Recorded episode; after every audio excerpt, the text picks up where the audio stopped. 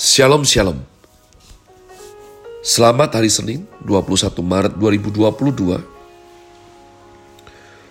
Kembali jumpa bersama saya Pendeta Kaleb Hofer Bintor dalam anugerahnya. Penuh sukacita sampaikan pesan Tuhan melalui Grace Words yakni suatu program renungan harian. Yang disusun dengan disiplin kami doakan dengan setia. Supaya makin dalam kita beroleh pengertian mengenai iman, pengharapan, dan kasih yang terkandung dalam Kristus Yesus. Sungguh besar kerinduan saya bagi saudara sekalian, agar supaya kasih dan kuasa firman Tuhan setiap hari tidak pernah berhenti menjamah hati kita. Menggarap pola pikir dan paling utama hidup boleh sungguh berubah menuju Christ likeness. Masih dalam season spring dengan tema Loving the King, Grace Word hari ini saya berikan judul pengakuan iman rasuli bagiannya ke-129. Pengakuan iman rasuli bagian ke-129. Ya, mari sekali lagi umat Tuhan kita membaca warisan iman Kristen daripada para rasul Kristus secara langsung. Pengakuan iman rasuli. Aku percaya kepada Allah Bapa yang Maha Kuasa, Khalik langit dan bumi, dan kepada Yesus Kristus anaknya yang tunggal Tuhan kita. Yang dikandung dari roh kudus lahir dari anak darah Maria. Yang menderita sengsara di bawah pemerintahan Pontius Pilatus. Disalibkan, mati dan dikuburkan. Turun dalam kerajaan maut. Pada hari yang ketiga bangkit pula dari antara orang mati. Naik ke surga. Duduk di sebelah kanan Allah Bapa yang Maha Kuasa Dan dari sana ia akan datang untuk menghakimi orang yang hidup dan yang mati. Aku percaya kepada roh kudus, gereja yang kudus dan am, persekutuan orang kudus, pengampunan dosa, kebangkitan orang mati, dan hidup yang kekal. Amen. Kita masih dalam pembahasan terakhir mengenai aku percaya akan Allah Roh Kudus umat Tuhan dan bagaimana kita harus mengasah ketajaman kita. Sebab jangan sembarangan menerima roh yang mengaku sebagai Roh Kudus. Karena Tuhan Allah tidak mengizinkan kita menerima yang lain untuk menggantikan Dia. Kita harus membedakan mana yang dari Tuhan, mana yang bukan. Bukan saja kita tidak boleh menerima, tetapi harus menguji, bahkan menolak dan mengusir keluar dari gereja sesuatu yang bukan Roh Kudus. Sebagian orang Kristen, ya ini opini saya umat Tuhan, terlalu sembarangan menerima semua yang bersifat supranatural karena langsung dikaitkan dengan Roh Kudus dan dianggap memang dari Roh Kudus. Orang menganggap hal supranatural itu sebagai pekerjaan Roh Kudus karena mereka melihat hal itu tidak mungkin dilakukan oleh manusia. Orang yang ditiup bisa jatuh. Tidak mungkin manusia bisa kerjakan hal-hal tersebut. Maka itu pasti dari Tuhan, dari Roh Kudus Lalu mereka berbondong-bondong datang dan mengikuti suatu gereja tertentu. Nah umat Tuhan bagian sini, ya saya harus beri waktu untuk penjelasan lebih detail. Sekitar 15 tahun yang lalu, saya adalah orang yang sembarangan. Semua yang bersifat supranatural, saya percaya itu dari roh kudus. Masalahnya apakah sekarang saya tidak percaya penumpangan tangan? No, saya percaya. Apakah saya tidak percaya jika orang didoakan bisa tumbang? Saya percaya. Namun, saya juga menemukan bahwa bukan semua pasti roh kudus. Tidak umat Tuhan. Ada dalam suatu KKR, saya berdoa belum selesai orang bertumbangan Bolehkah kita berbicara bahwa akibat penuh roh kudus itu tumbang dan hanya itu saja? Betapa akan menjadi sesuatu yang menggelikan dan menggelisahkan iman Kristen. Tujuan target purpose daripada Allah Roh Kudus adalah orang jatuh, tumbang. Remeh sekali. Saya memiliki suatu holy anger, kemarahan, yang suci. Yakni ketika banyaknya orang yang saya tengarai wajahnya, ya suka sekali didoakan dan hidupnya tidak berubah.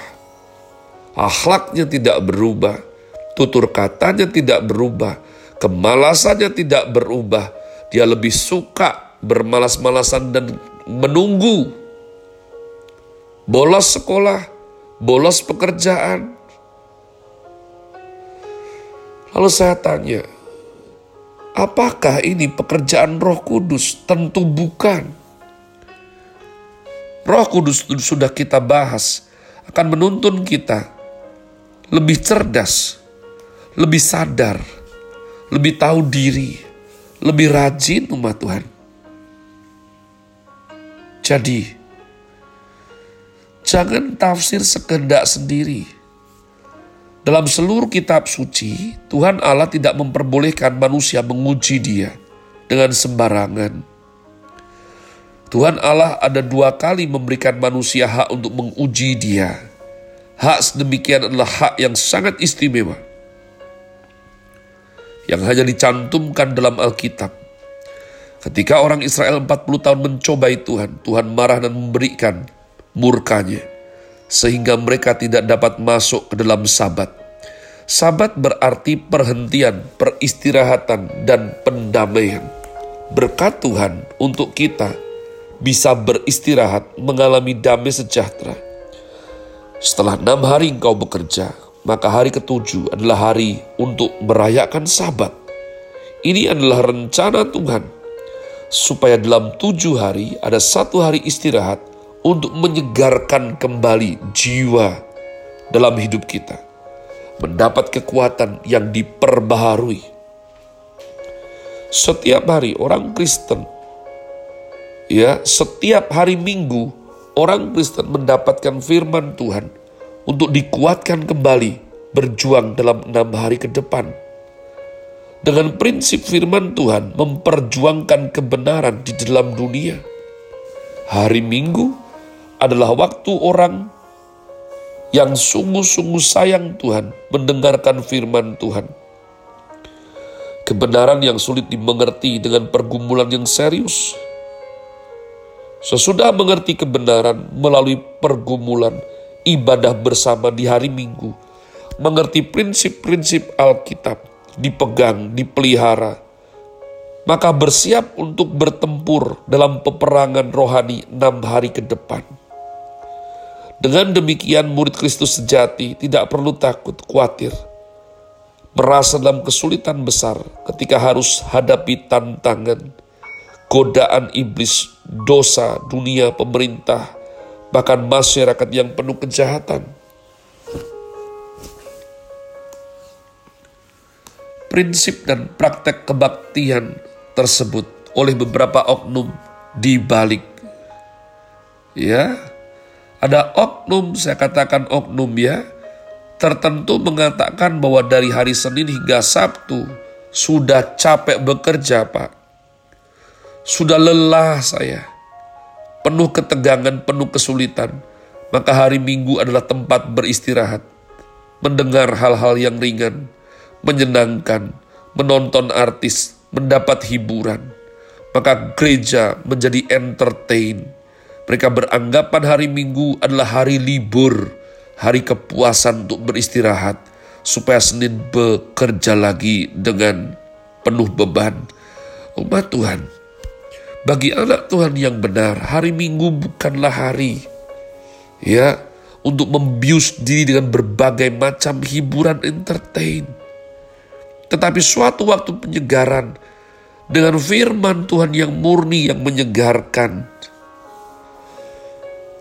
Tidak salah kok engkau kuliner atau piknik bersama keluarga. Tapi jangan meremehkan disiplin ibadah bersama hari Minggu, ma Tuhan.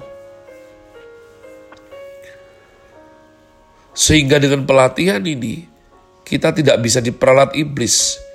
Kita tidak takut lagi cobaan dan godaan setan. Ketika orang Israel mencobai Tuhan Allah, mereka 40 tahun bersungut-sungut terus mengomel terhadap Tuhan. Akhirnya orang Israel diberikan satu kutukan oleh Tuhan. Mereka tidak akan masuk ke dalam peristirahatan, yaitu mereka tidak mendapatkan keselamatan sejati. Sesuatu yang sangat menyedihkan umat Allah. Maka saya mengajak dengan penuh kasih. Jangan menunggu situasi memburuk Jangan meremehkan ibadah hari Minggu secara bersama-sama datang ke hadirat Tuhan. Kalau hal yang sepenting ini kendor dan tidak dijaga, saya kadang sedih sekali. Para penyembah berhala itu sungguh-sungguh mentaati sembahyang mereka. Engkau ke Pulau Bali, engkau akan lihat orang meninggalkan pekerjaan mereka, untuk berbakti kepada tuannya, kepada sesembahan yang tidak pernah menawarkan menjanjikan keselamatan buat Allah. Bagaimana bisa anak Tuhan justru menyepelekan, meremehkan daripada tradisi turun-temurun yang sudah diwariskan oleh nenek moyang, leluhur, opa, oma, orang tua kita.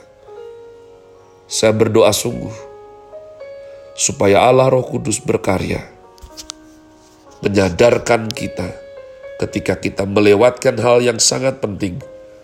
Biarlah disadarkannya kita untuk kita boleh kembali berbalik pada jalan-jalan Tuhan dan terangnya yang ajaib. Have a nice day. Tuhan Yesus memberkati saudara sekalian. Sola Gracia.